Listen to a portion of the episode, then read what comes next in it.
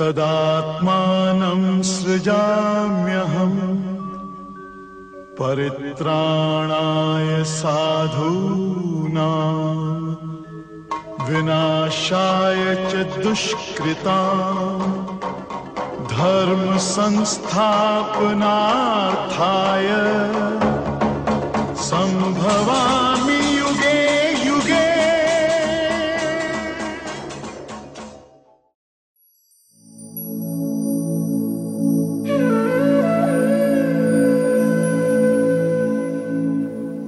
Swastiastu, Sobat Hindu Times di mana pun Anda semua berada, semoga senantiasa dalam keadaan sehat. Berjumpa lagi dalam episode podcast Hindu Times ke-13 bersama tim redaksi Hindu Times Channel. Dan seperti biasa, Srila Guru Pandita telah hadir bersama kita semua pada kesempatan ini. Om Swastiastu, Srila Guru Pandita. Om Swastiastu. Selamat datang di studio 108 Hindu Times dan terima kasih Srila Guru Pandita telah berkenan meluangkan waktu kembali untuk hadir di tengah-tengah kita walaupun dalam situasi di rumah aja seperti sekarang ini. Baik, untuk episode ini ada satu pertanyaan dari netizen yaitu dari Flix Games ID. Pertanyaannya, pertanyaan saya Sa- saya bertanya karena saya bingung dengan berbagai pertanyaan Oh, sorry. Saya bertanya karena saya bingung dengan berbagai pernyataan tentang Sri Krishna. Ada yang mengatakan Sri Krishna itu awatara, ada yang mengatakan Tuhan, manusia yang kuat, kemudian ada yang mengatakan berasal dari Wisnu, dan ada juga mengatakan sebaliknya. Saya suka dengan Sri Krishna, bagaimanakah sebaiknya saya bersikap? Demikian pertanyaannya Srila Guru Pandita, mohon berkenan untuk menjawab pertanyaan tersebut. Baiklah, saya mengucapkan banyak terima kasih atas pertanyaan yang disampaikan. Ini pertanyaan yang juga cukup cerdas dan pertanyaan ini juga bisa membantu kita ke depan untuk memahami keberadaan kita sebagai umat Hindu. Ya, sebelum saya menyampaikan dalam waktu yang singkat ini beberapa hal tentang pertanyaan-pertanyaan seperti itu apakah dikatakan Krishna berasal dari Vishnu atau Vishnu berasal dari Krishna ya dan sebagainya. Saya sampaikan terlebih dahulu bahwa kita mesti sepakat sebagai umat Hindu dari zaman lampau sekali sudah diturunkan oleh para leluhur kita. Di bumi ini yang telah merintis Hindu dia terima dari saat sekarang ini. Walaupun awal sekali kata Hindu itu tidak dimunculkan tapi sungguhnya Hindu berasal dari kata Sindu yang artinya lautan. Jadi dalam alam yang berbeda disebut dengan lautan Karano, lautan Garbo. Di sana berbaring Tripurusa di sana.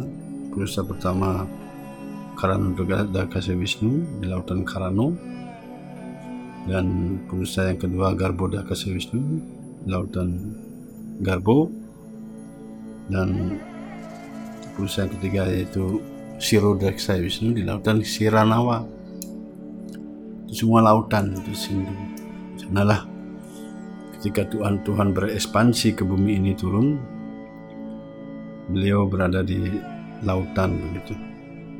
Itu Sindu. Sehingga lama-lama menjadi Hindu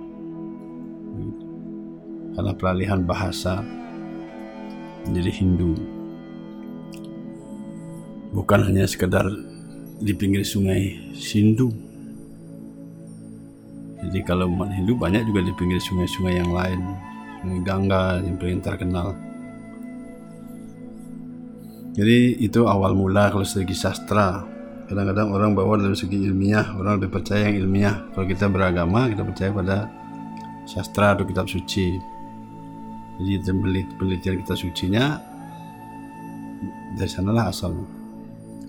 Sehingga Hindu ini memang sudah ada dari zaman lampau sebenarnya semenjak alam semesta diciptakan.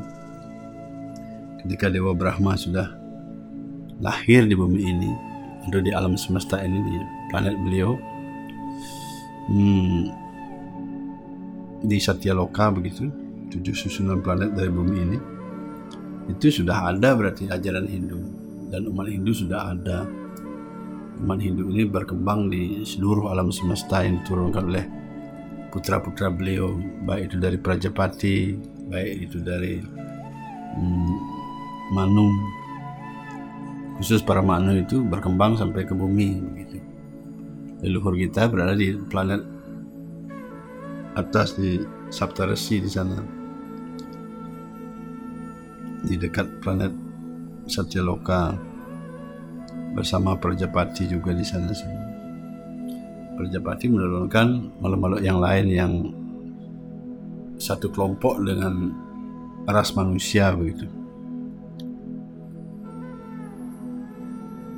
Jadi ada 8 juta 400 ribu jenis kehidupan. Jadi ada kelompok manusianya. Semua makhluk sudah ter, tercantum di sana. Karena di Bodhita Tuhan Kristus mengatakan, Akulah yang memberikan benih pada semua makhluk hidup. Tak ada satu makhluk hidup pun yang bergerak ataupun tidak bergerak tanpa diriku. Ini perlu pemahaman kita bersama di sabda beliau. Jadi awalnya kita sepakati bersama, mari kita satukan hati kita sebagai umat Hindu. Dalam dalam itu ada berbagai pandangan-pandangan yang berbeda. Yang mana sumber awalnya itu hmm, ketika Hindu itu berkembang kemudian menjadi lebih apa dan itu realitas yang kita rasakan seperti sekarang zaman kali ini khususnya agama kita berawal dari zaman kali itu jadi berawal ketika kitab suci Weda itu ditulis oleh Resi Agung kita Maharesi Silavyasa Dewa beliaulah sesungguhnya cikal bakal pendiri daripada ajaran uh, Hindu ini mana ajaran ketuhanan semua itu ditulis dirangkum dibagi-bagi oleh beliau dan ditempatkan sesuai dengan posisinya. Sehingga adalah ajaran kita yaitu kitab suci Weda yang terdiri dari bermacam-macam tadi. Ada Caturveda ada uh, Pancama Weda itu dibagi dua begitu Pancama Weda ada bagian-bagian lagi seperti Borgita Panisat Purana Itiasa dan sebagainya. Nah jadi beliau cikal bakal dari semua ajaran yang berkembang sekarang di bumi zaman kali ini sekarang beliau cikal bakal. Sehingga kalau kita secara umum merayakan Guru Purnima itu yaitu merayakan hari kelahiran beliau Sila Dewa hari kemunculan beliau di bumi ini. Selanjutnya digunakan juga oleh sekalian um, merayakan guru-guru dari semperdaya mereka masing-masing atau sekte mereka masing-masing umat Hindu. Jadi itu berawal dari ada satu sloka dalam kitab suci Weda Bhagavata Purana. Mana Bhagavata Purana dikatakan adalah buah matang dari kitab suci Weda. Kalau buat kita itu dikatakan adalah intisari atau sari-sari dari kitab suci Weda. Yang merupakan kesimpulan juga dari kitab suci Weda itu. Sehingga Tuhan Sri Krishna menyampaikan dalam Bhagavad Gita bab 7 ayat 2 sini dikatakan Gyanam teham sawi gyanam idam waksa myase sataha yad gyatwa neha buyo nyad gyatavyam avasishyate. Sekarang aku nyatakan kepadamu sepenuhnya tentang pengetahuan ini, baik yang bisa dilihat maupun yang tidak bisa dilihat. Dengan mengetahui pengetahuan ini, tidak ada yang engkau tidak ketahui lagi. Jadi bahwa kita itu adalah sudah kesimpulannya. Jadi berdasarkan ayat ini, dengan mengetahui ajaran Bodhita ini sudah artinya menyangkut semua kita ketahui. Ini karunia yang khusus untuk kita zaman kali. Karena keterbatasan kita tidak bisa mempelajari semuanya. Apalagi catur weda begitu. Demikian harus dicari lagi demikian terselip-selip selokanya pun kita kadang-kadang tidak memahaminya kan begitu mungkin bagi orang-orang tertentu yang sudah menekuni begitu terus menerus mungkin tapi secara umum sulit sekali sehingga Tuhan tahu semua sehingga turunkan kitab suci Bhagavad ini untuk mudah kita pelajari, mudah kita bawa ke mana-mana, mudah kita baca, mudah kita pahami sederhana. Memang sengaja dibuat begitu supaya kita bisa mempelajari. Untuk apa seperti seorang ayah memberikan kendaraan pada anaknya, anaknya bisa memakai? Kan lebih bagus ayahnya menurunkan kendaraan yang praktis, mudah dipakai, enak dipakai, sederhana, tidak ribet, dan bisa dipakai. Demikian juga kita suci. Tuhan sudah mengatur. Asalkan kita yang sederhana berpikir, jangan berpikir ribet. Nah, Bhagavata Purana itu adalah merupakan buah matang dari kitab suci Weda. Jadi kesimpulan kita ini kesimpulan kita paham, tapi agar matangnya, andaikan kita mencari buah, misalnya anggaplah buah mangga atau buah pisang begitu, ini sudah berbuah, kita sudah dapatkan buahnya. Sekarang tinggal cari matangnya yang betul-betul matang. Jadi nunggu sesaat. Demikian juga di sini. Ketika kita memahami bahwa kita, kita cari matangnya, buah matangnya lah. Bhagavata Purana. Dalam skanda pertama bab 2 ayat 11. Di sini disebutkan Vedanti tat tattva vidas tattvam yad gyanam advyayam. Brahmeti paramatmeti bhagawan iti sabdyate. Dijelaskan ya. Ini artinya adalah para rohaniwan yang terpelajar yang mengetahui kebenaran mutlak itu dengan uh, menyebutnya non dualisme yang terdiri dari Brahman, Paramatma atau Bhagawan. Jadi sini dikatakan bahwa kebenaran mutlak. Jadi oleh kita dikatakan anda adalah kebenaran mutlak begitu artinya tadi. Jadi kebenaran mutlak itu dipahami melalui tiga hal tadi Brahman, Paramatma, itu Bhagawan. Nah karena itu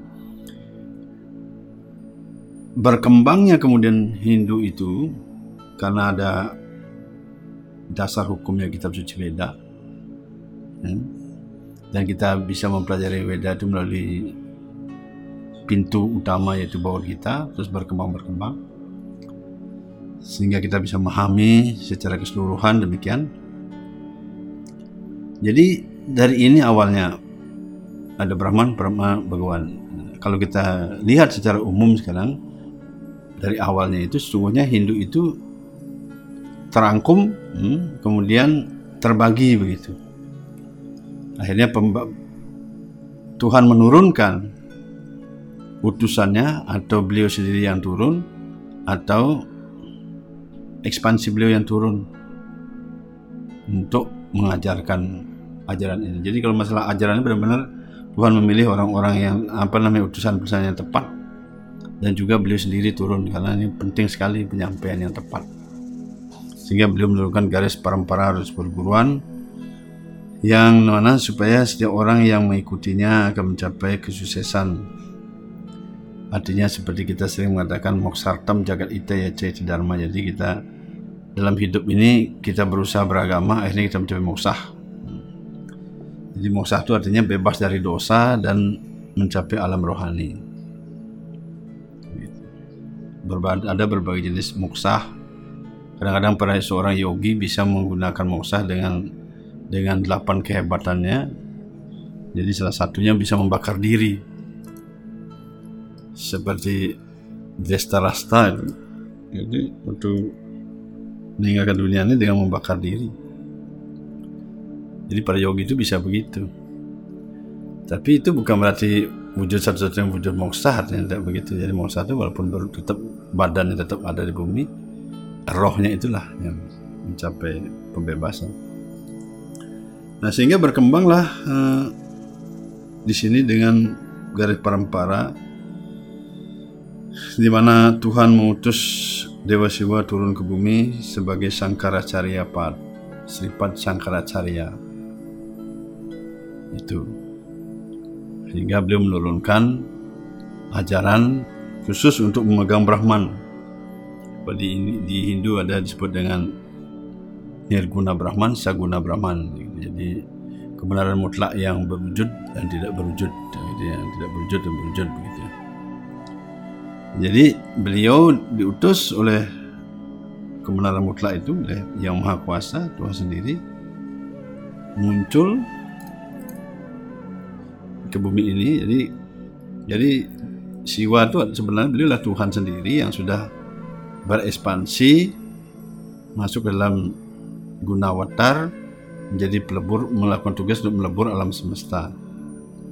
Dan pada sama pun beliau berinkarnasi turun ke bumi sebagai Sangkaracarya yang memegang peran dalam menurunkan garis perguruan dengan mengutamakan Brahman, artinya Tuhan yang tidak berwujud. Gitu. Sehingga turunlah para Samarta Brahmana juga di India. Begitu, maksudnya berkembang begitu filsafat itu, mana Tuhan itu tidak berwujud, disebut Brahman, dan ketika nanti sampai akhirnya akan menyatu dengan Brahman. Gitu. Karena itu tujuan mereka yang tertinggi seperti Borita mengatakan eh, ketika kita menyembah beliau akan mencapai tempat tinggalku yang tertinggi. Kalau misalnya kita sekarang sembah beliau dalam perwujudan sebagai Brahman, tempat tinggal beliau tertinggi adalah Brahma Joti bersatu dengan alam rohani di sana bersatu dengan Tuhan. Kemudian beliau muncul lagi ke bumi ini berperan sebagai seorang penyembah mana beliau langsung turun ke bumi berperan sebagai seorang penyembah yaitu Sri Chaitanya Mahaprabhu. Beliau memegang namun sebelum itu saya sampaikan bahwa muncul beliau dalam awtara beliau sebagai Buddha Dewa. Jadi dulu sebenarnya tidak ada agama Buddha itu ada yang ada adalah ajaran Weda diikuti hmm, pada saat itu hmm, Sanatan Dharma begitu jadi satu kesatuan sebagai Hindu yaitu muncullah Buddha dengan mengajarkan filsafat kekosongan juga cuman di sana tidak menanamkan tentang Tuhan. Jadi tidak membahas tentang ketuhanan di sana. Lebih banyak membahas tentang mengikuti tata cara yang harus dilakukan. Nanti terakhir kita sendiri yang akan mengetahui sendiri begitu sehingga secara umum Buddha mengajak kita untuk tidak berurusan dengan Tuhan tapi bagaimana kita menerapkan ajaran itu yang sebenarnya beliau memegang peran yang kedua yaitu paramatma. Tuhan ada dalam hati setiap orang dan itu beliau lebih menekankan tentang yoga meditasi. Yang diajarkan di sana. Nah selanjutnya Tuhan juga muncul ke bumi ini langsung beliau turun ke bumi yaitu dalam wujud Sicita Mahaprabhu. Jadi saya bercerita tentang Sri Krishna dulu tadi yang turun 5000 tahun yang lalu yang telah menyampaikan kitab suci Bhagavad Gita langsung dan tidak ada kitab suci mana pun di seluruh bumi ini di mana Tuhan turun langsung menyampaikan ajaran.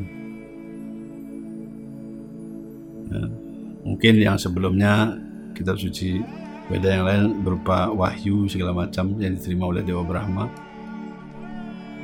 Begitu. Tapi saat ini Tuhan kembali menyampaikan ajaran kesimpulan dari semua Weda itu langsung turun ke bumi 5000 tahun yang lalu. Nah, dari dari beliau inilah ya, yang disebut kebenaran mutlak tadi. Mana beliau kemunculan beliau dalam wujud kepribadian Tuhan yang Maha Agung. Berkembanglah yang tiga tadi itu.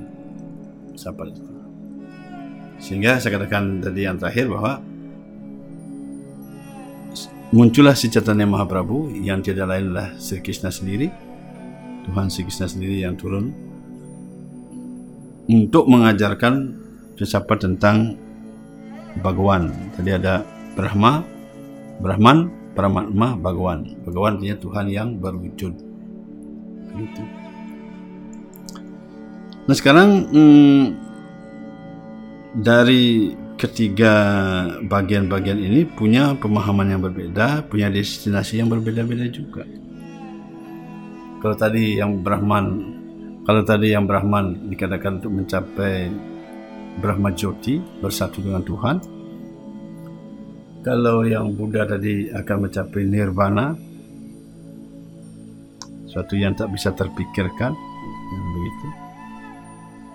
Kemudian yang terakhir, Sattama Prabhu mengajak kita pergi ke tempat Tuhan Sri Krishna bersama bernama Vaikunta Goloka atau Goloka Berindawan. Yang mana dikatakan juga tertinggi di sana dalam buat kita. Tempat tinggalku yang tertinggi. Dan siapa yang mencapai diriku dia akan mencapai tempat tinggalku yang tertinggi planetku yang tertinggi kan begitu jadi kalau kita sederhanakan tadi kalau memuja Tuhan yang tidak berwujud akan mencapai tempat yang tertinggi bernama Brahma Jyoti. Kalau yang menyembah Tuhan yang berwujud yaitu Bhagawan eh, mencapai tempat yang tertinggi bernama Goloka Bendawan.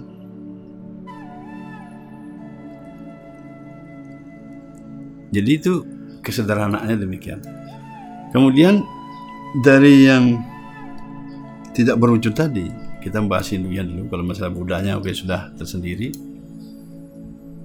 Kalau memang diajarkan begitu sehingga mencapai tempat yang tak terpikirkan nirwana apa begitu. Sekarang pemahaman daripada yang tidak berwujud ini menyembah Tuhan tidak berwujud tadi. Jadi dalam Hindu ini komplit nih.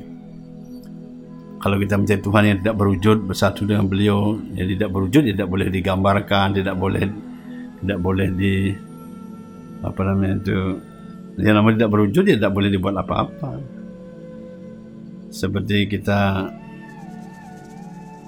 tak pernah mengetahui orangnya terus kemudian kita gambarkan orangnya ini salah salah. Dan itu di dalam beda itu sudah diajarkan komplit mau yang Tuhan yang tidak berwujud ada yang tidak berwujud juga ada. Jadi lengkap karena itu Hindu itu sangat dewasa umat Hindu itu sangat dewasa dan memahami lah segala sesuatu. Nah sekarang pemahaman daripada Tuhan yang tidak berwujud ini jadi para pengikut Tuhan tak berwujud ini secara umum bahwa Krishna itu dikatakan berasal dari Wisnu sedangkan untuk memuja Tuhan yang um, berwujud ini yaitu memuja Bhagawan tadi yang akan mencapai tempat planet tertinggi disebut dengan Goloka Berindawan tadi. Dengan pemahaman yaitu semua berasal dari Krishna termasuk Vishnu juga berasal dari Krishna.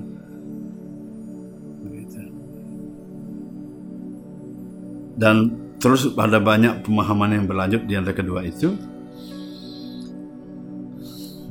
sebentar saya sampaikan tentang alasan-alasan sedikit begitu nah jadi kan cuman bedanya kalau pemuja Brahman ini eh, yang pemahaman demikian mereka memuja Tuhannya itu langsung dengan menyebut Brahman begitu yang tidak langsung tidak terfokus pada wujud Sri Krishna, tidak menyampaikan tentang Krishna. Jadi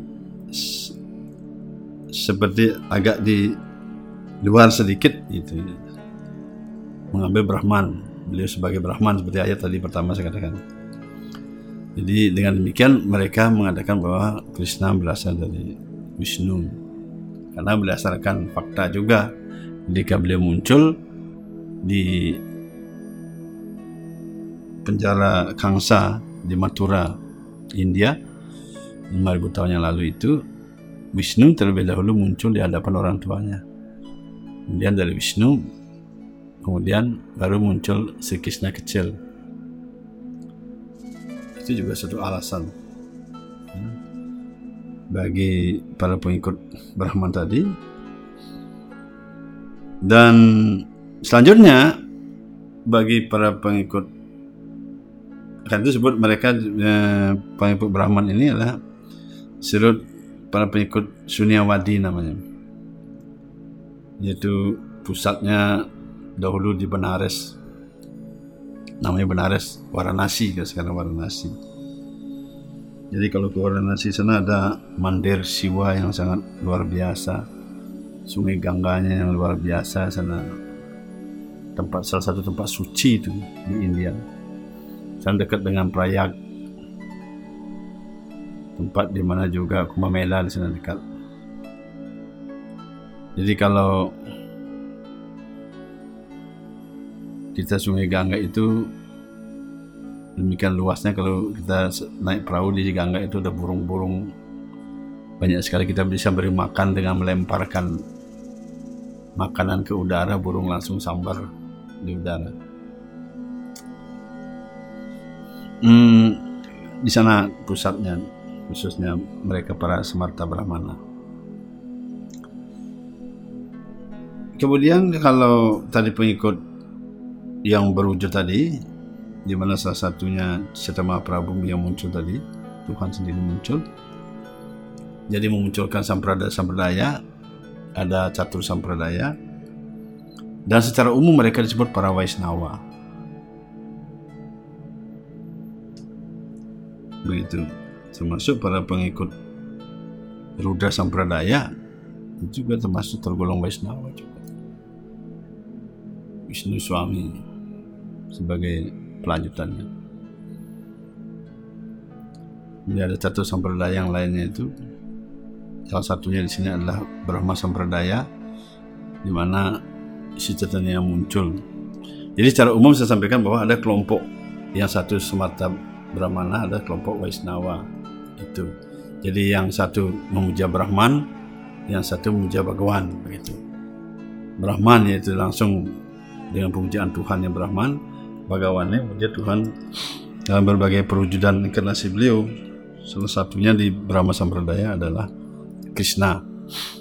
Sedangkan di sampradaya yang lain memuja Wisnu, Narayan. Tapi mereka semua para Vaisnava. Nah, mereka memuja wujud Tuhan. Demikian.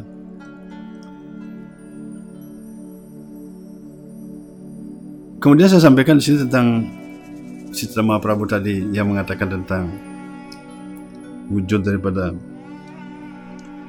Sri Krishna itu adalah berasal dari apa sumber dari semuanya.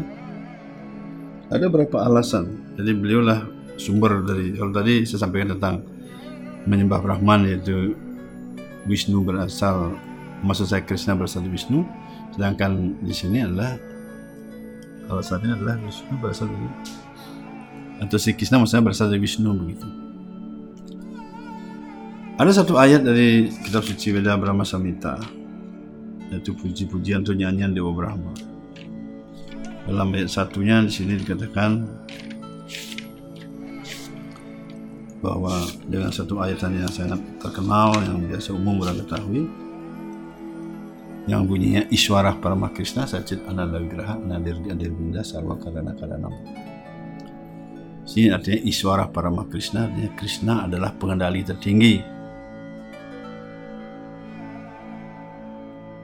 Yaitu dengan dikenal nama Govinda beliaulah Tuhan keperbedaan Tuhan tertinggi. Beliau adalah berbadan rohani yang kekal penuh kebahagiaan. Beliau adalah yang paling tua dari semuanya. Tidak ada yang lebih tua dari beliau. Dan beliaulah sebab utama dari segala sebab. Salah satu alasannya. Dan kemudian dalam Bhagavata Purana itu juga dijelaskan sesungguhnya bahwa Shirodakasa Wisnu, Wisnu yang kita kenal sekarang ini, Brahma Wisnu Siva itu, eh, Trimurti itu adalah Wisnunya adalah Shirodakasa Wisnu. Salah satu purusa. Ada tiga purusa tadi saya katakan Karano, Garbu, Siro. Kalau kita sembahyang tersandia, kan ada sana purusa parikadita juga sebut purusa. Nah, purusa itu maksudnya tripurusa itu. Yaitu Shirodakasa Wisnu. Jadi waktu muncul di apa di depan ayah dan ibu Tuhan Sri Krishna di Mathura, India di penjara Kansa itu adalah uh, Sirodakasa Wisnu. Jadi semua awatara-awatara itu sesungguhnya adalah ada di dunia rohani. Di planet-planet dunia rohani berbagai planet yang berbeda-beda yang tak, bisa terhitung jumlahnya. Jadi ketika berawatara muncul ke bumi ini, awatara kelompok yang mana pun dari enam kelompok itu, khususnya yang di luar Sakya Wisawatar begitu. Yaitu melalui kemunculannya melalui Sirodaksa Wisnu ini. Seperti halnya negara kita punya duta besar di seluruh negara lain. Kalau ada kunjungan presiden ke negara itu pasti melalui duta besar itu. Duta besar itu belum menerima apa namanya berita dari presiden. Kemudian duta besar akan menyampaikan kepada pemimpin negara setempat hmm, dan menyampaikan mewacanakan kepada masyarakat akan kedatangan presidennya begitu. Sehingga duta besarnya nampak terlebih dahulu di hadapan orang-orang. Setelah itu baru datang presiden. Mereka juga seperti ini. Jadi Sri Wisnu melalui beliaulah watara-watara itu. Setiap watara muncul biasanya Wisnu belum muncul gitu nah kalau itu melalui demikian juga Sri Krishna muncul namun di balik itu sesungguhnya nah, adalah awatara-awatara yang lain itu. Nah, di antara semua awatara-awatara itu, bagawan-bagawan yang ada di dunia rohani itu adalah si lah sumber utamanya. Karena itu beliau mengatakan dalam berita tempat tinggalku yang tertinggi. Itu di semua planet itu. Jadi semua planet itu beliau sendiri berekspansi. Termasuk yang satu bagian tadi Brahman itu di bagian alam rohani yang berbeda lagi. Ini saya cerita dalam bagian rohani yang satu ini. kelompok Waikunta kalau satu kelompok Brahma Jyoti jadi seperti kita bilang di hotel itu ini satu gedung bagian ini bagian kelompok ini satu yang satu gedung kelompok ini. Entah yang mana di gedung utama atau gedung kedua itu nah seperti itulah eh, itu semua satu hotel tempatnya seperti ini juga satu alam rohani. Dalam rohani Brahma Joti ada Brahma alam rohani Waikunta yang saya katakan Brahma Joti itu menyembah Tuhan yang tidak berwujud Waikunta ini menyembah Tuhan yang berwujud. Karena itu mereka turun sampradayanya juga. Nah Sangkaracarya Pad di sana yang sebagai pendirinya. Kemudian Bhagawan juga muncul sampradayanya. Salah satunya Cata Mahaprabhu tadi Nah, mereka akan mencari nanti sampai-sampai ini mencari tempat masing-masing. Jadi ada bagawan-bagawannya, tempat-tempat Tuhan berbagai planet di sana. Maka yang tertinggi di sana adalah Sri tempat Sri Krishna begitu. Beliau dipuja, dipuji sebagai kepujian Tuhan yang Maha Agung. Buat kita sudah jelaskan hmm, dengan lengkap di sana bab 11 sana. Salah satunya di sini Arjuna menyampaikan pujiannya bab 11 ayat 44 Tasmat pranamya pranidaya kayam prasadaye tuam aham isom idam pitewa putrasya sakena sakewa sakyu pria yarhasi dewa sulu Anda adalah Tuhan yang patut disembah oleh setiap makhluk hidup. Karena itu hamba bersujud dengan hormat kepada Anda. Mohon karunia Anda. Seperti halnya seorang ayah membiarkan keberanian putranya seorang kawan yang memberikan sikap kurang sopan dari kawannya atau seorang istri membiarkan sikap akrab suaminya. Mohon maafkan kesalahan yang mungkin hamba lakukan terhadap anda. Arjuna sendiri juga menyampaikan hal yang sama. Selain Tuhan sendiri juga menyampaikannya tentang perwujudan beliau Jika itu eh, tentang beliaulah ketuhanan, beliaulah sumbernya dari paham para Vaishnava tadi. Kemudian ada dikatakan bab tujuh tujuh mata para taramnanet kincit asti dananjaya. Mayi syaram idam protam sutre mani gana iwa. Wahai perebut kekayaan, tidak ada kebenaran yang lebih tinggi daripadaku. Segala sesuatu bersandar kepadaku, bagaikan mutiara diikat pada suta tali. Sini sudah dikatakan dengan jelas. Tidak ada kebenaran yang lebih tinggi daripada aku. Jadi kita umat Hindu ini sudah mendapatkan Tuhan ini. Sekarang apakah kita memahami ini oleh Vaisnava sebagai Bhagawan atau oleh para uh, pengikut sam apa namanya sempradaya Sangkaracarya sebagai Brahman. Tapi beliau adalah kebenaran yang tertinggi. Tidak ada kebenaran yang tinggi jadi kita bisa dapat Tuhan. Jelas. Dalam ayat sebelumnya juga dikatakan sini semua makhluk yang diciptakan bersumber dari kedua alam tersebut. Ketahui bahwa dengan pasti bahwa akulah sumber perwujudan dan peleburan segala sesuatu ini. Baik yang bersifat material maupun yang bersifat rohani. Ya. Jadi pertama saya jelaskan dulu tadi secara sederhana bahwa dari kelompok ini mengatakan begini dari kelompok ini mengatakan begini ada dua kelompok lah dalam Hindu. Kalau Buddha tadi kan sudah menjadi Buddha agama Buddha sedangkan Hindu tadi ada dua kelompok tadi. Begitu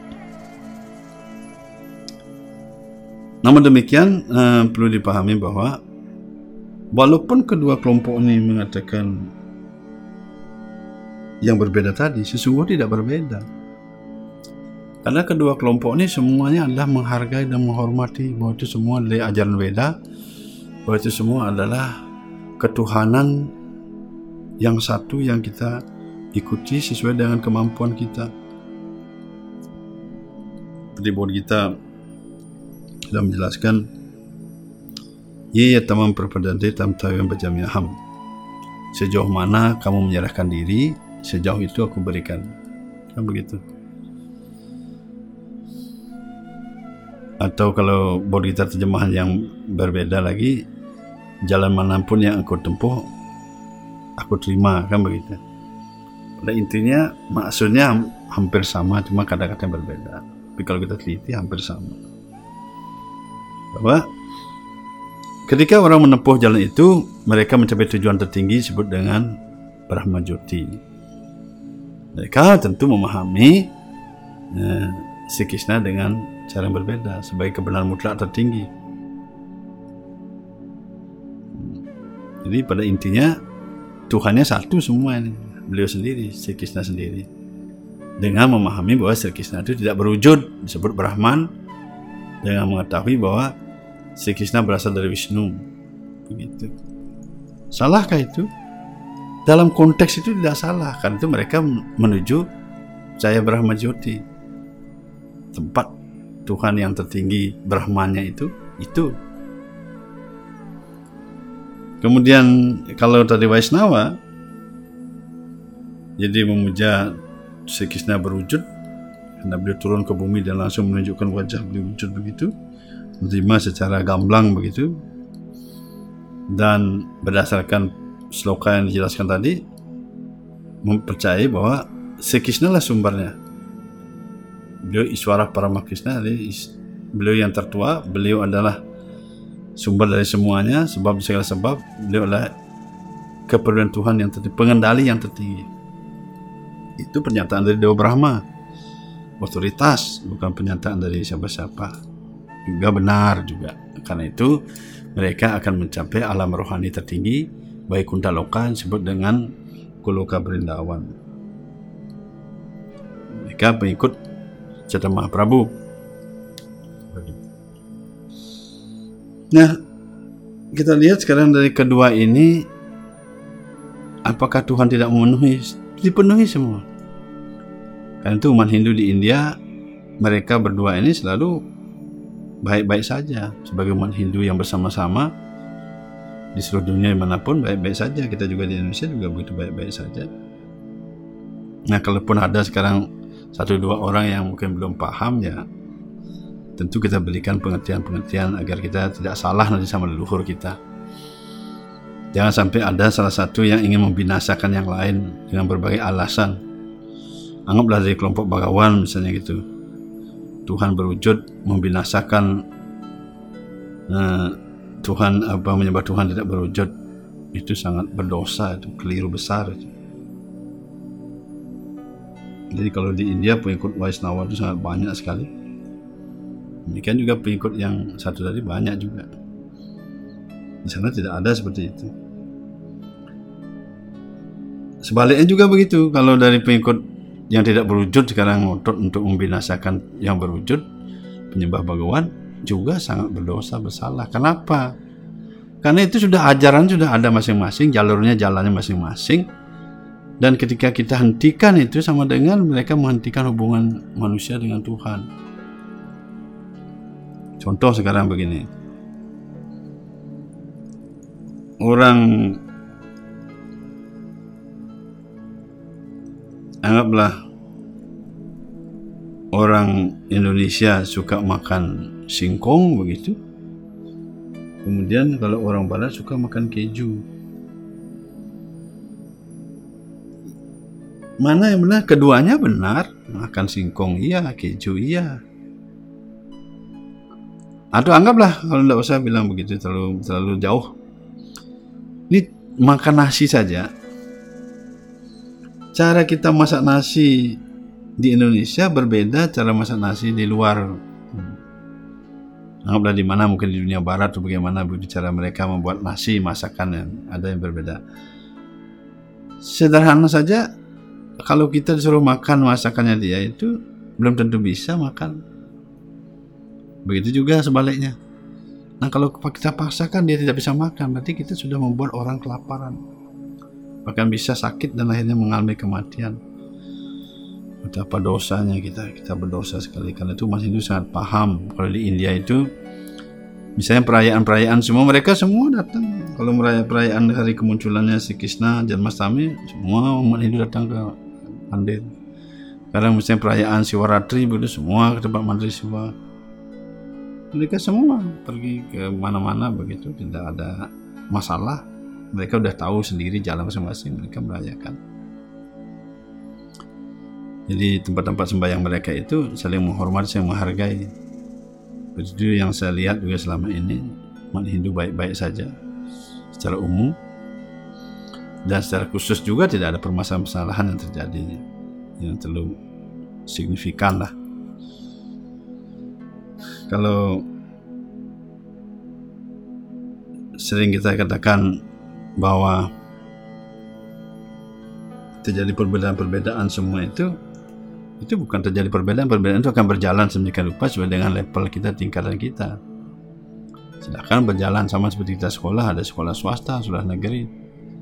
Mengapa orang bertengkar karena sekolah swasta? Kadang-kadang ada swasta nak mau ke negeri kadang-kadang sekolah negeri juga ingin swasta. Tidak sedikit kan?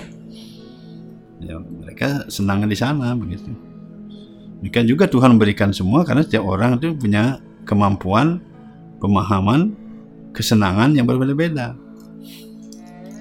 Hmm, coba aja semua karena itu agama bukan tempat untuk diperdebatkan. Kalau itu diperdebatkan tak ada ujungnya semua karena ada punya alasan tersendiri. Punya ada semua punya ada jawaban masing-masing. Apa alasan kita sekarang mengatakan yang lebih hebat semua ada jawabannya semua cuman kadang-kadang ada yang mau ngomong ada yang enggak begitu tapi kalau sama-sama duduk dengan tenang jujur semua ada jawabannya masing-masing semua ada alasan yang kuat Itu agama itu bukan untuk diperdebatkan, tapi agama itu untuk diimani, kemudian diikuti berdasarkan kecerdasan dan penyerahan diri kita. Hmm. Dengan diawali dengan keyakinan iman kita jadi kita itu diyakini, kemudian diikuti itu ajaran agama. Diyakini, diikuti, kemudian sesuai dengan kecerdasannya akan berkembang nanti. Apa dia kecerdasan cukup bisa memilih ini atau itu sama seperti pelajaran sekolah ada jurusan sosial, ada jurusan uh, fisik misalnya begitu. Dia akan kita kita terima, eh, kita ikuti, kemudian dia akan berkembang nanti. Yang mana jurusan dia, ke mana dia akan mencari jurusannya tersendiri. Pasti akan berjalan seperti itu. Tanpa dipaksa pun mereka akan memiliki jurusan. Nah karena itulah di Hindu diciptakan berbagai slogan-slogan untuk menentukan kerukunan kedamaian itu damai dan harmonis peace and harmony. Karena dengan kedamaian itu adalah sumber dari semuanya untuk kita bisa melakukan segala kegiatan. Dengan damai dan harmonis itu adalah suatu kesempatan besar untuk kita melaksanakan kegiatan khususnya kegiatan keagamaan untuk memuja Tuhan. Dengan muja Tuhan dalam keadaan damai, dalam keadaan harmonis, betapa menyenangkan. Kalau sekarang kita muja Tuhan dalam keadaan seperti ini, suasana yang sekarang ini seluruh dunia mengalami krisis corona yang sama, kita sangatlah menderita dalam hal memuja Tuhan. Karena tidak lengkap rasanya kita melaksanakan semua kegiatan. Begitu. Demikian ya mau tidak mau sudah diterima karena memang ini adalah alam yang mengatur kita tinggal mengikuti saja dengan baik saatnya akan semua tiba dan tidak ada yang kekal. Semua sementara itulah yang pasti. Tinggal nanti alam rohani baru alam kekal. Kepastian di alam rohani itu adalah kekal kepastian alam dunia material ini tidak kekal gitu ya. Semuanya asli tapi ada yang kekal, ada yang sementara. Nah, kemudian eh, saya sampaikan bagi umat Hindu kita bersama-sama khusus di Indonesia ini supaya betul-betul paham itu sehingga ketika kita melihat saudara-saudara kita yang seperti tadi dengan jalur yang berbeda oh Wisnu tidak Wisnu apa Krishna lebih dari Wisnu oh ya anda pun akan mencapai nanti alamnya. Eh, kita tetap menghormati mencintai Tuhan. Tidak ada tidak boleh Tuhan yang mana pun yang disalahkan. Tueda mengajarkan dilecehkan jangankan Tuhan ide betari saja para dewa itu harus kita hormati leluhur kita harus kita hormati semua ajaran Hindu baik itu dari kelompok jadi pengikut tidak berwujud seperti para sama apa namanya itu kelompok Mayawadi atau Sunyawadi tadi atau kelompok Waisnawa mereka ada semuanya yaitu memuja Tuhan, menghormati para dewa dan para luhur. Ada pitra pujanya juga semua, dewa puja, pitra puja, semuanya ada. Termasuk Buddha juga menghormati Buddha juga, bukan memuja Buddha, menghormati Buddha, menghargai Buddha. Kan dalam Hindu itu tidak ada sesuatu yang di, dihina, disalahkan, tidak dihargai, semua dihormati, hargai. Bahkan buta kala atau makhluk-makhluk yang hantu-hantu apa dan segala macam begitu pun dihormati, bukan dibenci. Sehingga di Hindu itu memberikan pelayanan kepada mereka dengan membagikan persesembahan buat mereka sehingga mereka tidak akan mengganggu kita bukan dengan kata-kata yang kasar bukan dengan kelakuan yang kasar dan mereka juga makhluk hidup ciptaan Tuhan. Coba satu sederhana sekarang, makhluk hidup semut lah. Kalau kita mencaci maki semut, menginjak-injak semut, kemarahan kita melihat karena semut berderet di kamar kita, pasti kita berdosa juga. Walaupun tidak dikatakan, tapi secara sastra dikatakan juga berdosa. Salah kita. Tidak ada satu makhluk pun yang tidak ciptaan Tuhan, tak satu makhluk pun yang boleh dibahayakan mereka semua hak masing-masing. Cuman ya seperti sekarang nih kalau seperti virus ini karena menyerang manusia ya kita wajib untuk membela diri itu aja permasalahan. Jadi nyamuk, nyamuk itu kalau menyerang kita ya kita wajib membela diri. Tapi kalau dia tidak menyerang kita, dia suatu tempat diam ini, mengapa kita harus membunuhnya? Jadi nyamuk bisa begitu. Dan kemudian nah, seperti corona juga begitu, ya kita harus basmi dengan cara kita karena menyerang kan gitu, membahayakan. Seperti ular contohnya.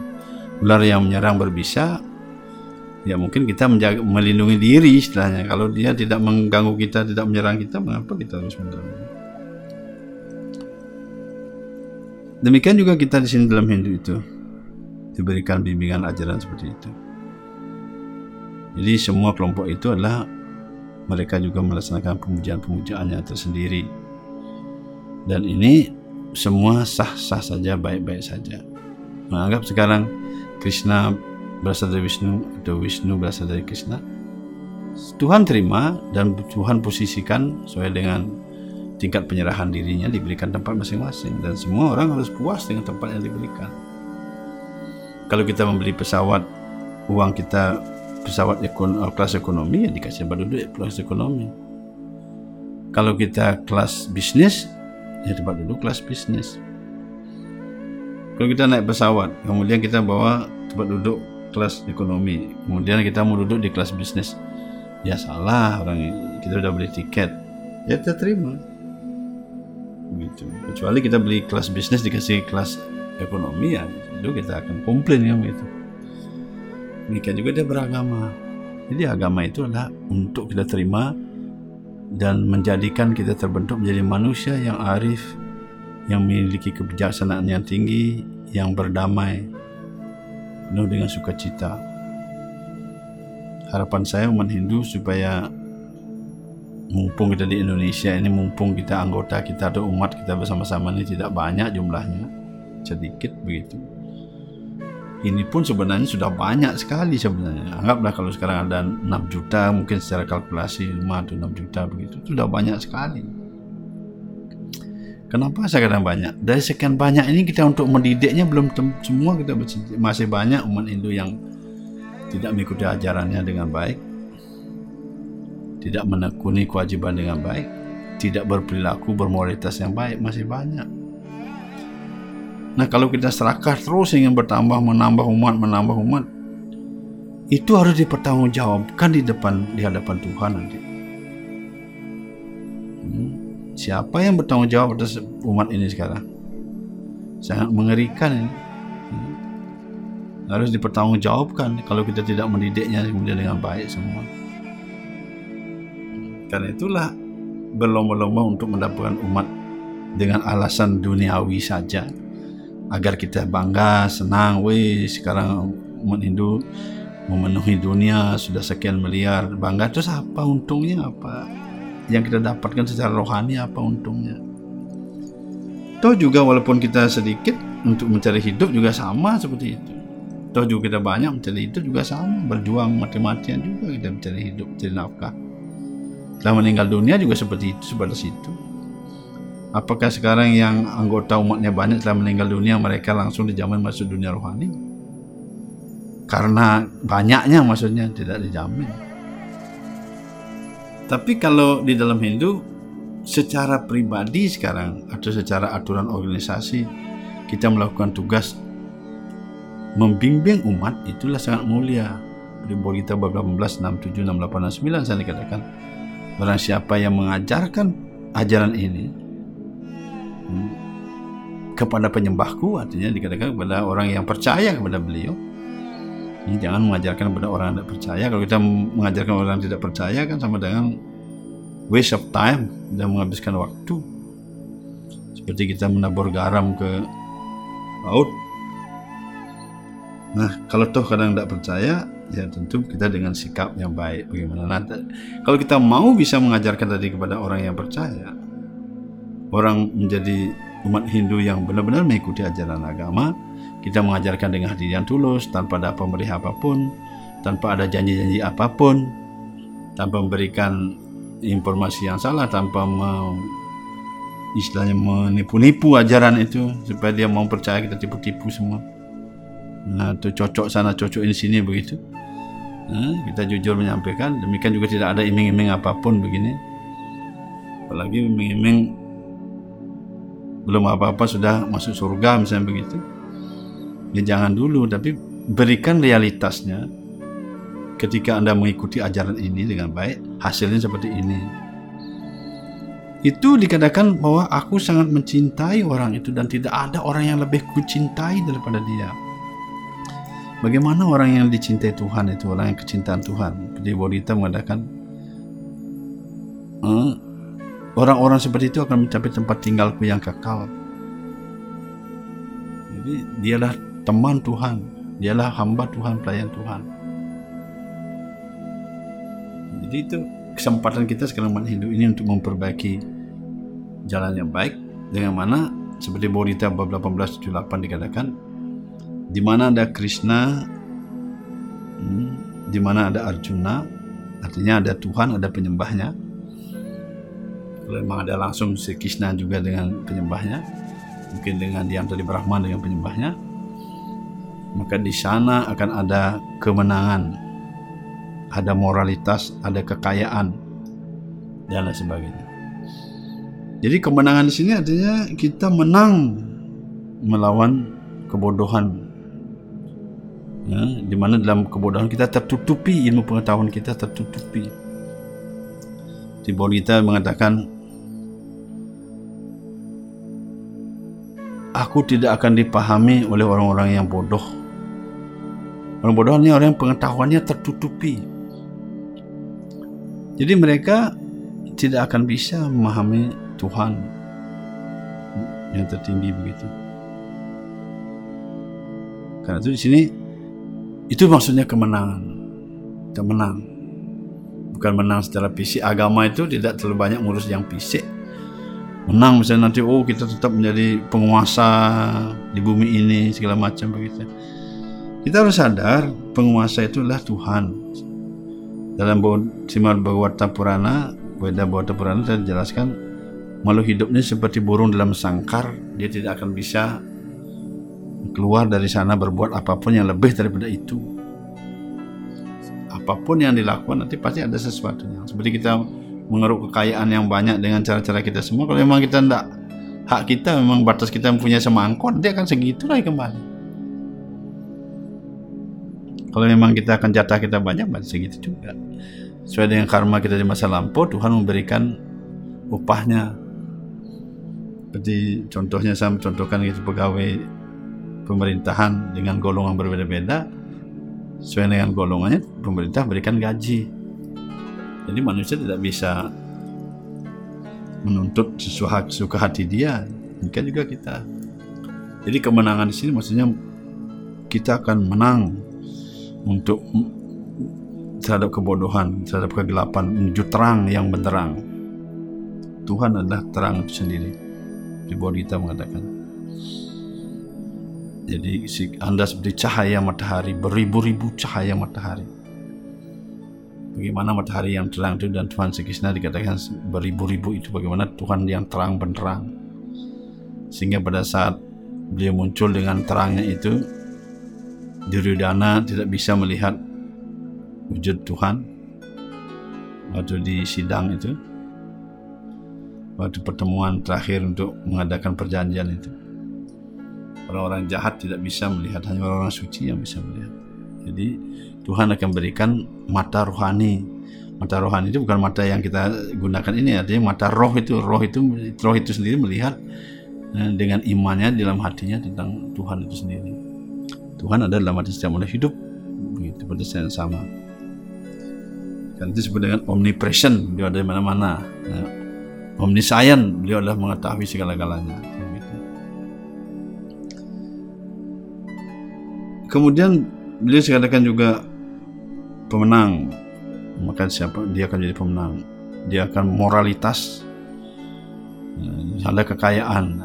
Jadi percayalah kalau kita benar-benar apalagi kita umatnya tidak banyak kalau kita benar-benar lakukan dengan bagus kita akan tidak akan kurang hidup kita.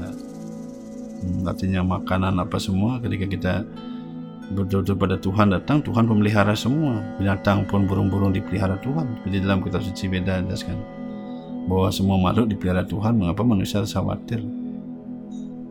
Manusia pun pasti dipelihara Tuhan sudah Tuhan sudah menyatakan sebagai Brahma Wisnu Siwa pencipta pelihara pelebur sudah di, beliau sudah punya urusan untuk melihara. Tinggal kita sekarang rumusnya kita tahu tadi. Kita harus dekati Tuhan dan kita jadi penyembahnya maka di sana ada moralitas moralitas artinya kita dengan perilaku-perilaku kaike wacike manacike yang benar-benar santun yang benar-benar menyenangkan Tuhan. Begitu. Jadi eh, itulah pemahamannya supaya kita benar-benar kalau memang benar-benar umat Hindu ini sekarang mengikuti ajaran agama ini agama Hindu sesuai dengan jalurnya tadi masing-masing tadi orang Hindu pasti akan jadi pemenang. Mau sartam jagat itu ya cidar menjadi di bumi kita akan dipelihara dunia rohani eh, meninggal kita akan diberikan moksa itu sudah janji Tuhan. Janji kitab suci kemudian mereka akan bermoral pasti akan berpikir berkata berbuat yang baik dan benar yang selalu menyenangkan Tuhan dan memberikan kasih sayang, kelegaan pada setiap makhluk hidup yang lain. Tidak ada kan membuat gangguan di bumi ini, kekacauan segala macam. Kaika wacika mana cika. Jadi berkata, berpikir, berbuat. Nah itu. Kemudian eh, moralitasnya itu. Kayaannya pasti kekayaannya sifat rohani dan material.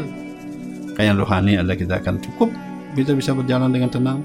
Kain material juga akan dituntun kita nah, sebagai pendukung materialnya. Itu yang kita miliki sebagai pendukung dari kehidupan kita beragama agar kita bisa melaksanakan kegiatan agama dengan baik. Itu pasti Tuhan pelihara. Sedangkan yang kacau balau seperti saat sekarang zaman kali banyak orang menghujat Tuhan baru tidak percaya dia hujat Tuhan dipikir Tuhannya sendiri akan membelanya. Itu pun masih dipelihara Tuhan ya. Cuman sekarang dikasih balasan sedikit lah begitu. Yang tujuan Tuhan untuk memperbaiki bumi ini. Agar-agar ada apa sedikit perubahan begitu. Semua sudah Tuhan tentukan mana yang hidup mana yang mati mana yang ini sudah tentukan. Cuman itu rahasia Tuhan supaya kita semua mau sendiri kalau Tuhan sudah mengatakan kamu hidup kamu tidak hidup yang hidup ya tenang aja santai sekarang kita tidak begitu itu rahasia beliau dengan tujuan adalah supaya kita bisa semua memperbaiki diri. Tapi kan alangkah baiknya kita tidak menyalahkan menghujat tadi. Kalau seperti kita katakan dalam Hindu begitu, itu beliau satu kesatuan semua seperti suatu perangkap, satu kesatuan. Kalau seandainya kita sebagai rakyat kita menghujat Bapak Gubernur, Pak Presiden pasti tidak senang. Apalagi Pak Presiden kita hujat gubernur apa pun pemimpin yang lain itu yang di bawahnya pasti juga tidak senang hmm. akhirnya polisi datang yang menangkap kita gitu apalagi dalam Hindu memang sangat apa namanya menonjol sekali ajaran kita di Hindu kita selalu hormat kepada Tuhan hormat kepada pemimpin negara pemerintah catur guru itu kan kemudian kepada orang suci, kepada orang tua, nah, begitu. Jadi itu ajaran Hindu. Dengan demikian semua akan bermoral dengan baik. Semua dengan kesejahteraan di, di, diatur oleh Tuhan.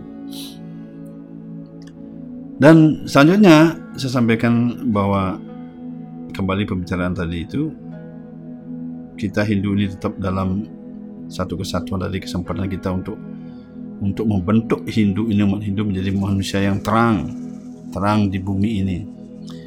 Terang yang benderang itu terangnya bumi ini. Jadi manusia ini ada roh dalamnya roh itu bercahaya terang.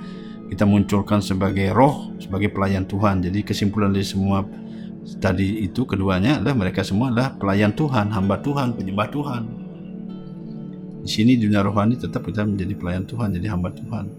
Apakah dia menyatu dengan Tuhan tetap menjadi hamba Tuhan. Apa kita di sisi Tuhan juga kita pelayan Tuhan. Yang pasti berjalan sesuai dengan jalur masing-masing dan saling menghormati saling menghargai. Kemudian ketika ada aturan-aturan setempat ya kita tinggal menyesuaikan saja sehingga agama tetap berjalan dengan baik agama lah sumber dari semuanya pengendali semuanya dari agama muncullah tradisi gitu. karena itu tradisi dikendalikan oleh ajaran agama jadi dengan demikian tradisi itu akan menjadi suci rohani memberikan kedamaian kerukunan dan sebagainya gitu. Mengapa? Karena ajaran agamanya sumbernya satu, sedangkan tradisi itu banyak. Banyak kan itu saya sampaikan bahwa di alam rohani sama alam material ini ada satu perbedaan. Jadi yaitu bayangan terbalik. Jadi kalau dunia rohani itu eh, ke atas, kita ke bawah begitu. Jadi terbalik kan itu sifatnya kekal, kita sementara. Sehingga kalau contoh yang realitas di dunia rohani itu satu kata di sana semua dari alam rohani sampai alam surga pun tetap satu kata. Kalau misalnya di satu kepribadian saja yang kita hina di alam rohani itu,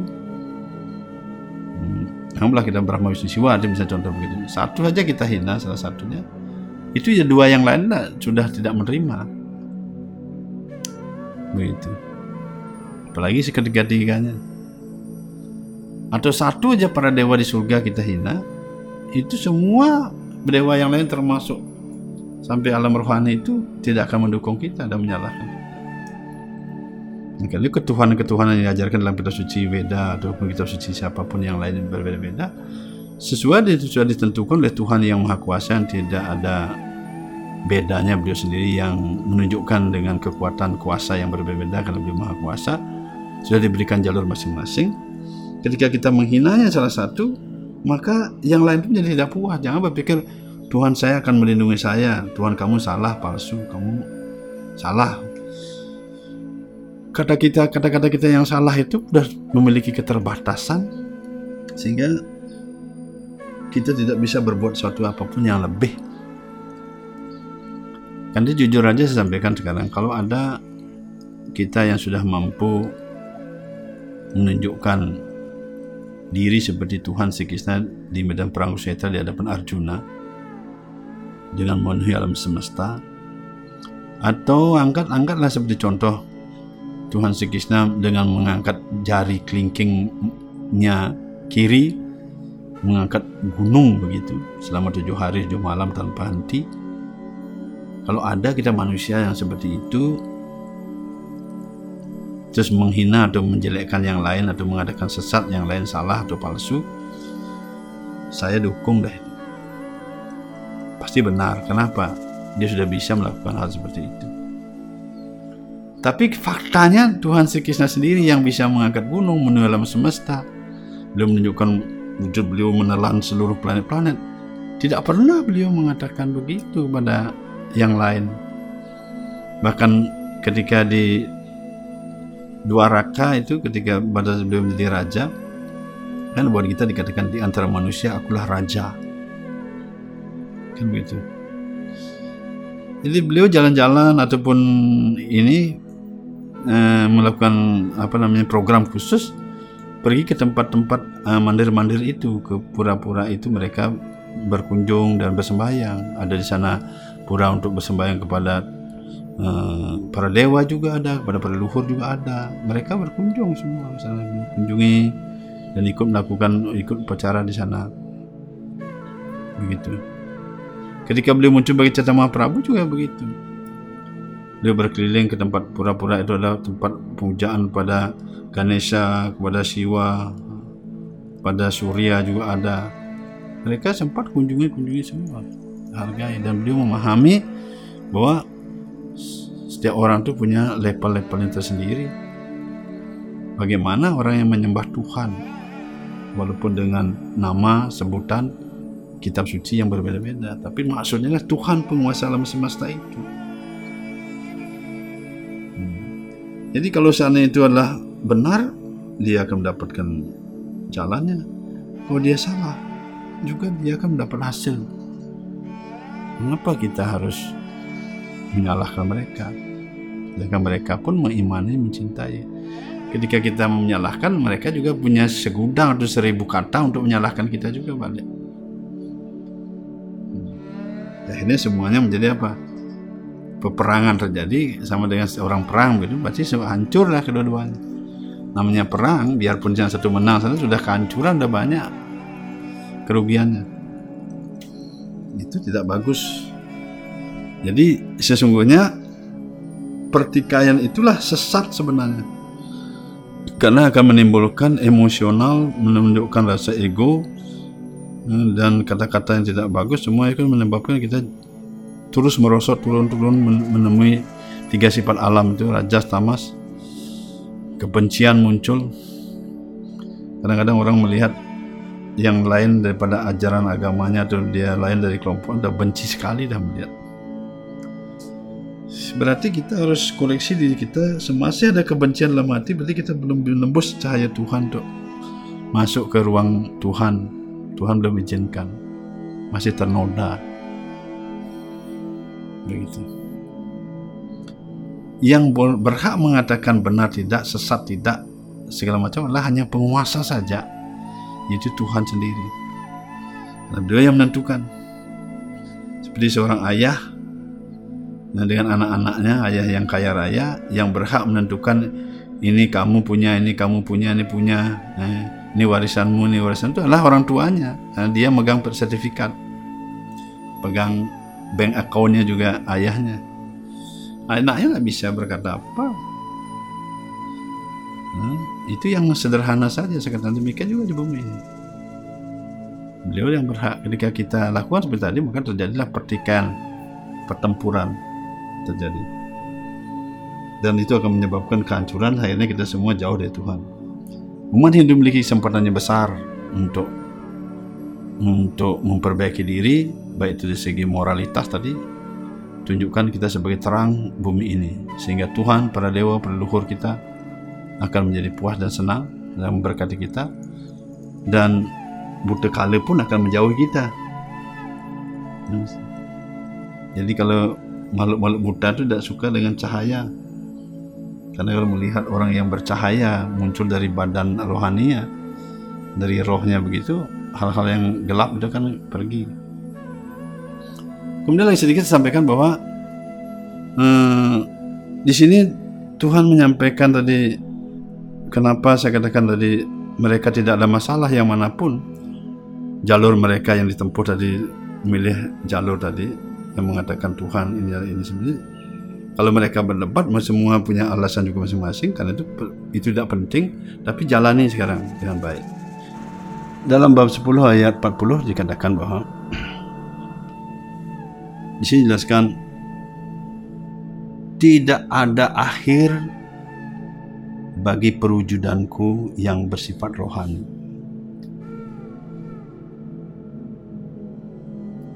Apa yang kusampaikan kepadamu hanyalah sebagian kecil saja dari kehebatanku yang tak terbatas. Jadi kalau kita lihat tadi di sini pertama manifestasi beliau yang rohani itu tidak ada akhir, tidak ada batas. Sementara apa yang diberikan kita itu adalah suatu yang batas terkecil dari yang tidak terbatas itu. Yang terkecil bagi kita udah nggak terbatas lagi. Sementara beliau tidak terbatas, tidak terbatas, tidak terbatas. Artinya bagian kecil aku berikan bagian kecil dari dari kekuatanku yang tidak terbatas begitu. Artinya bagian kecil yang takaran kita cukup untuk kita di mana kita sama seperti begini. Kita punya karyawan lah. Karyawan ini yang satu kita suruh berangkat ke Papua misalnya. Kemudian karyawannya satu kita suruh berangkat ke Surabaya.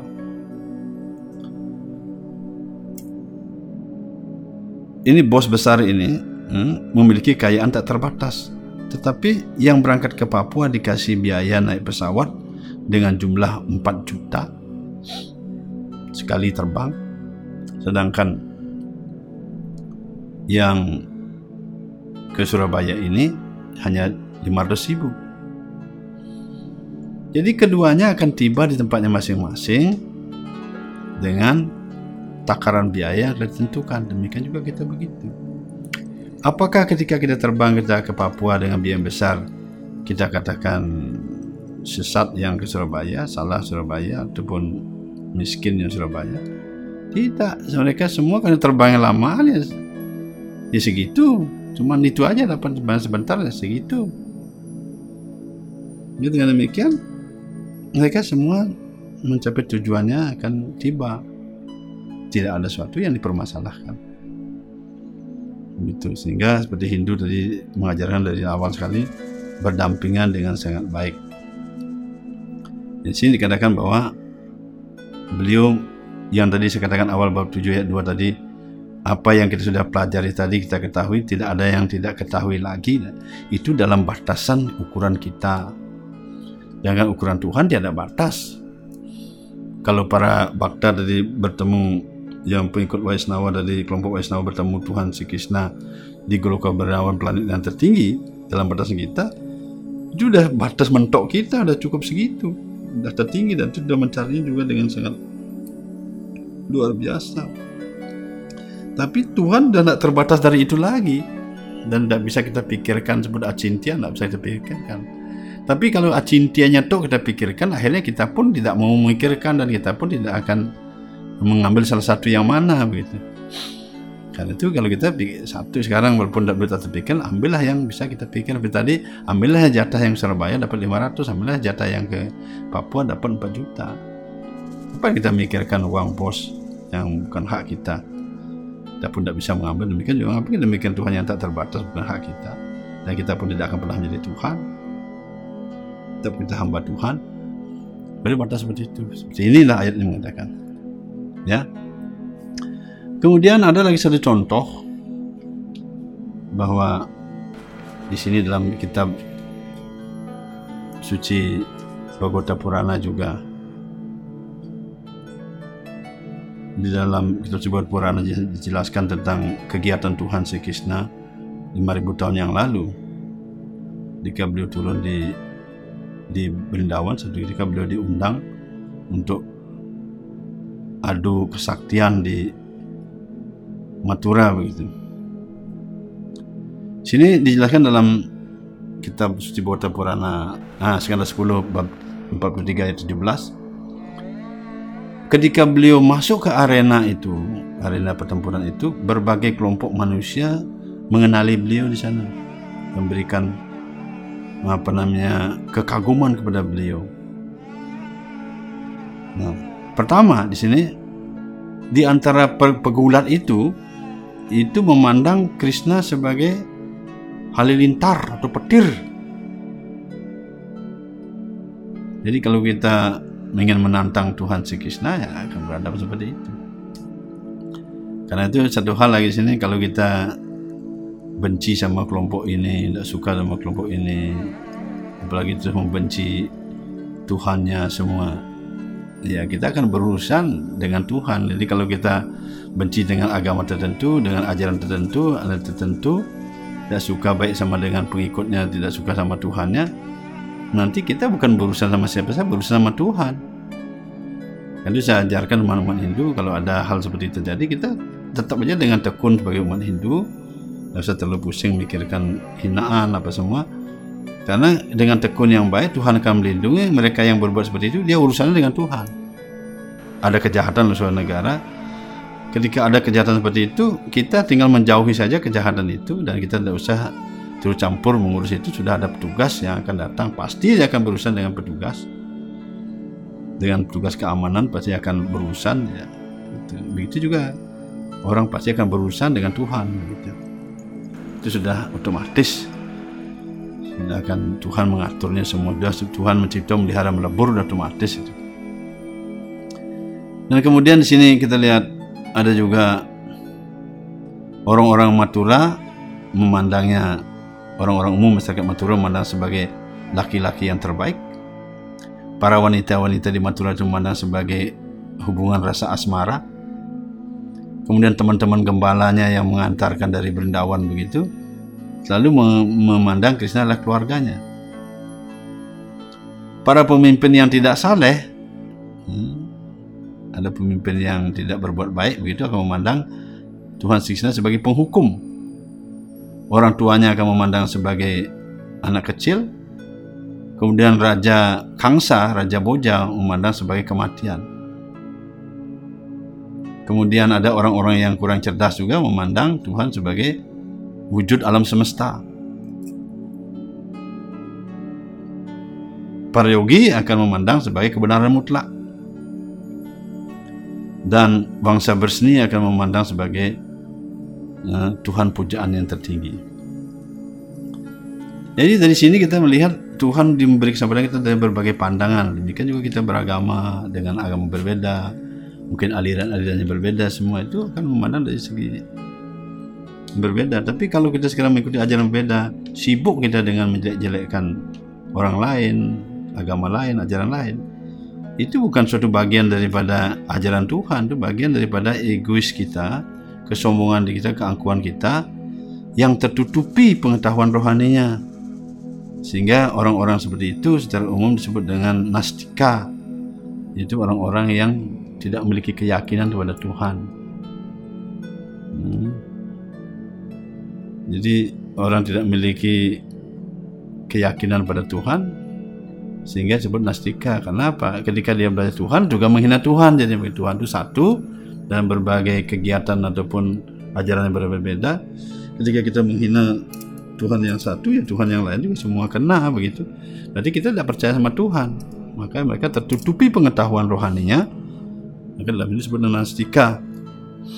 Tapi kita pun tidak perlu mengadakan dia nastika urusan lain lagi. Demikian. Nah, lagi sedikit saya sampaikan bahwa hmm, pada saat ini saya sampaikan begitu Tuhan yang Maha Kuasa sehingga beliau sampai mengatakan dalam kitab Borita bab 7 ayat 25 Naham prakasa sarwasa yoga maya saman beritaha mudoyam nabi janati lokumam ajam awyayam Aku tidak pernah berwujud pada orang-orang bodoh dan kurang cerdas. Nah inilah. Jadi orang-orang yang tertutupi pengetahuannya. Jangan salah mengatakan, misalnya begini. Ajaran Vaisnava mengatakan Krishna adalah sumber dari Wisnu. Itu sudah di, di, dicanangkan, diatur oleh Tuhan dengan tujuannya. Kemudian ajaran dari Semarta Brahmana atau kelompok para Sunyawadi yang mengakui Brahman tadi mengatakan seperti tadi adalah ya, Krishna berasal dari Wisnu. Jangan salah satu mengatakan bahwa dia sudah tertutupi pengetahuannya. Jadi dia sudah di sini Tuhan tidak menunjukkan dirinya karena untuk orang bodoh dan kurang cerdas. Kita jangan mengatakan seperti itu. Jadi mereka semua sudah berpengetahuan dengan jalurnya masing-masing. Sederhana saja sekarang begini. Yang satu adalah ilmu ekonomi, kuliah sarjana ekonomi. Yang satu adalah kuliah di sarjana hukum. Orang yang kuliah sarjana hukum dia akan pintar dengan hukumnya, dengan ajaran hukum. Orang yang ekonomi akan pintar dengan ajaran ekonominya. Masa sekarang orang yang hukum mengatakan sudah tertutupi dia, dia tidak tahu pengetahuan tentang hukum. Dia bodoh dia begitu. Sebaliknya juga begitu sama, dia tertutupi dia bodoh. Itu sangatlah keliru, bukan begitu maksudnya di sini. Aku tidak pernah bodoh pada orang bodoh yang kurang cerdas. Artinya orang bodoh kurang cerdas orang yang yang tadi yang nastika tadi, mana dia eh, tidak mau menerima Tuhan. Keberadaan Tuhan tidak diterima. Seperti kita melihat di lapangan terbang itu ada banyak pesawat. Kita harus terima semua pesawat itu, tinggal pilih salah satu tiket.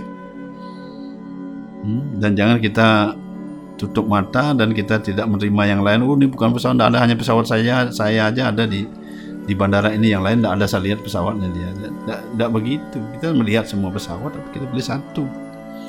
Kita pun kita tetap menghargai semua akan menerbangkan masing-masing ke tujuannya. Jadi yang demikian di sini, aku tidak pernah berjumpa pada orang yang bodoh dan kurang cerdas. Ya seperti itu. Tapi kalau kita sudah mengikuti ajaran agamanya, keyakinannya, kepercayaannya, sehingga undang-undang dasar 45 menghargai agama dan kepercayaannya jadi orang yang sudah mempercayai ajaran agamanya ataupun ajaran apa pun yang di sana yang menyangkut hubungan dengan Tuhan mereka adalah bukan orang-orang yang bodoh dan orang kurang cerdas. Mereka sudah mengikuti. Kemudian beliau katakan baginya aku ditutupi. Ini bahasa Inggrisnya for them I am covered by my internal potency. Jadi covered dijelaskan ditutupi. Jadi mereka akan ditutupi oleh tenaga dalam beliau. Siapa? Dia yang tidak mau mencari Tuhan begitu dan dengan demikian di sini therefore they do not know that I am unborn and infallible and infallible jadi katakan dengan mereka mereka dengan demikian mereka tidak mengetahui bahwa aku tidak dilahirkan dan tidak pernah jatuh Nah ini jangan diperdebatkan lagi. Nah itu buktinya. Hmm? Kamu bilang Tuhan kamu lahir, sekarang Tuhan buktinya tidak lahir itu. Hmm. Jadi kalau dari pandangan yang satu, apa pandangannya silahkan itu sudah bagus. Sedangkan yang yang satu lagi, apa pandangan sudah bagus. Pasti semua ada alasannya masing-masing. Contoh sekarang misalnya, kalau memang Tuhan tidak dilahirkan, contoh dari pandangan Vaisnava ini, kalau memang Tuhan tidak lahirkan, mengapa beliau turun ke bumi? Ada alasan begini lagi orang. Tuhan tidak dilahirkan, ah, maksudnya Tuhan itu maha kuasa. Apa beliau tidak kurang kuasa? Apa Tuhan kamu tidak punya kemampuan sehingga harus lahir ke bumi ini? Apa tidak ada punya apa siapa-siapa begitu? Itu alasan yang satu. Itu boleh saja punya alasan begitu untuk menguatkan imannya dia sana. Tapi bagi orang yang yang tadi yang percaya dengan Tuhan muncul ke bumi ini punya juga keyakinan yang berbeda. Apakah Tuhan tidak boleh turun? Apa Tuhan tidak punya kuasa untuk turun? Apa salahnya beliau turun? Contohlah seorang presiden hanya untuk memeriksa setempat terjadi bencana alam misalnya itu bisa menyuruh menterinya atau siapa pun utusannya. Tapi mengapa beliau belusukan melihat rakyatnya? Baik itu dalam berbagai takaran apa beliau langsung saksikan sendiri. Terus kalau beliau turun presiden tuh siapa yang menyalahkan? Apa dibilang tidak punya kerjaan? Tidak mungkin. Itu orang hak beliau. Yang di bawahan semua adalah bawahannya beliau. Siapa yang mau ngatur mengurus beliau? Mau turun tuh presiden aja begitu. Bagaimana Tuhan? Para dewa apalagi makhluk mana pun seperti kita manusia luar kata apa dia pun belusukan turun seperti presiden tadi melihat semua kan orang yang dikunjungi kan senang sekali dikunjungi presiden. Bertemu ngobrol dengan presiden langsung. Dan bisa menyampaikan semua secara langsung. Dan itu berarti tempat itu khusus bagi bapak presiden. Demikian juga ketika Tuhan turun orang yang dapat menemui beliau itu sangat senang sekali. Dan percaya beliau pada kebenaran itu senang sekali dan khusus sekali begitu. Ya tidak ada yang salah bagi yang tadi turun itu benar, yang juga ini benar. Jadi dikatakan tadi tidak dilahirkan bagi pandangan Waisnawa itu di dunia rohani beliau Sekisna sendiri itu sebagai Tuhan yang tertinggi dijelaskan tadi dari Dewa Brahma beliau tidak ada yang melahirkan di sana beliau memang sudah ada kalau seandainya beliau ada yang melahirkan berarti tak bisa kita pikirkan siapa melahirkan tak terpikirkan itu di dunia rohani. Nah, ketika beliau turun ke dunia material ini, beliau juga tidak dilahirkan seperti manusia biasa. Ketika beliau lahir di apa muncul di penjara Kangsa, beliau tidak lahir seperti kita lahir dari kandungan ibu begitu. Beliau sudah langsung di depan ibunya, di depan orang tuanya dengan berpakaian yang lengkap, sudah bersih dengan berpakaian yang lengkap, dengan atribut yang lengkap. Jadi tidak perlu lagi bapak ibunya mencari sana kemari lagi mana ada persiapan pakaian mana di penjara. Tuhan sengaja bahwa supaya kebenaran itu dapat terungkap di mana di penjara beliau turun dengan tidak punya apa-apa supaya Tuhan orang itu tahu bahwa itulah kuasa Tuhan dengan borgol yang kuat begitu sehingga bisa terbuka semua itulah kuasa Tuhan. Tapi kalau tidak demikian terus apa? Di mana Tuhan akan menunjukkan mujizatnya? Jadi beliau turun tidak seperti manusia biasa. Beliau langsung dan setelah itu beliau pun melaksanakan kegiatannya seperti tadi. Kalau manusia tidak mampu mengangkat gunung, beliau juga manusia tidak bisa menunjukkan memenuhi alam semesta sampai menelan planet-planet itu. Semua ibunya sendiri ibunya sudah melihat di mulutnya Tuhan Sri Krishna melihat semua planet-planet ada di dalamnya itu artinya maksudnya tak terlahirkan itu bagi pandangan Vaishnava bagi pandangan yang lain berbeda lagi itu semua sah-sah saja berjalan dengan baik saling menghargai dengan jalurnya sama seperti tadi naik pesawat Papua ke Surabaya dari Ngurah Rai contoh begini kok pesawat kamu kok terus ke timur ya ke timur karena ke Papua Bapak bilang, sedang pesawat kamu terus ke barat terus ya. Itu karena ke Surabaya. Dan Tuhan tidak pernah gagal. Jadi ini harus dipahami bersama-sama sehingga orang saling mengerti. Sehingga di sini kalau kita katakan di sini ada satu ayat lagi. Satu bab 7 ayat 26 Wideham samatitani Vartamanani Charjuna Bhavishyani Cabutani Mamtuvedana Kasana Wahai Arjuna Sebagai keperluan Tuhan yang tertinggi Aku mengetahui segala sesuatu yang terjadi di masa lampau. Semua yang terjadi pada masa sekarang dan semua yang terjadi di masa yang akan datang. Aku juga mengetahui semua makhluk hidup Namun tak satu pun makhluk hidup mengetahui diriku. Dari ayat ini kita bisa memahami Tuhan tahu segala-galanya. Jadi umat Hindu sudah memiliki Tuhan yang mengetahui segala-galanya. Jadi umat Hindu tidak usah berkecil hati, jangan rendah diri. Ya. Jadi umat Hindu sudah aman, ajaran Hindu sudah aman. Anda tinggal memilih jalur mau ke dunia rohani, mau ke surga. Hmm. Dan lain sebagainya sudah diberikan jalur. Kita sudah aman, kita sudah punya Tuhan yang mengetahui segala sesuatu yang lampu sekarang yang akan datang. Kemudian beliau katakan apa di sini? Dan semua hmm, dan aku mengetahui semua makhluk hidup. Awalnya dikatakan sini, all things that are yet to come. Hmm.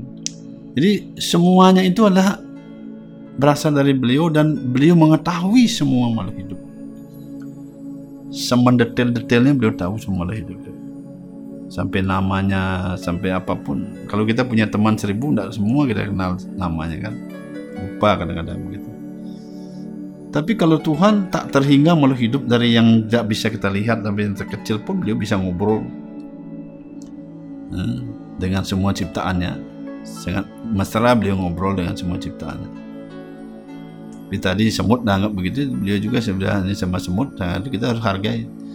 Nah karena itu kalau ada semut bisa di rumah kita, jangan langsung sama kita menghina, menginjak. Cari saja caranya gimana. Itu misalnya apa yang dia makan ada benda cari oh ada satu benda kecil. Itu aja ambil sedikit ntar tak sampai lima menit dah hilang. Lebih baik dia daripada kita. Kalau kita menghalau mungkin banyak orang dah cepat hilang. Kalau manusia sedang berkumpul begitu demo misalnya dihalau nak mau pulang. Kalau itu tinggal diambil satu dah hilang sampai lima menit. Kita hormati semua kan? Nah itu beda mengajarkan demikian. Dan kemudian sini namun tak satu pun mengetahui diriku jadi pahamlah kita bahwa sampai puncak kita yang tertinggi pun kita tidak akan tahu beliau bahwa beliau itu sesungguhnya acintia tak bisa tak ada batasnya tapi jangan mencari yang tidak ada batas itu. Carilah sampai batas itu. Seperti tadi, carilah kamu sekarang Surabaya dapat tiket Surabaya sudah cukup. Yang berangkat ke Papua dapat tiket ke Papua sudah cukup. Jangan lagi mencari-cari yang lain semua. Harta benda kekayaan orang eh, urusannya panjang lagi. Dan itu susah. Demikian juga Tuhan.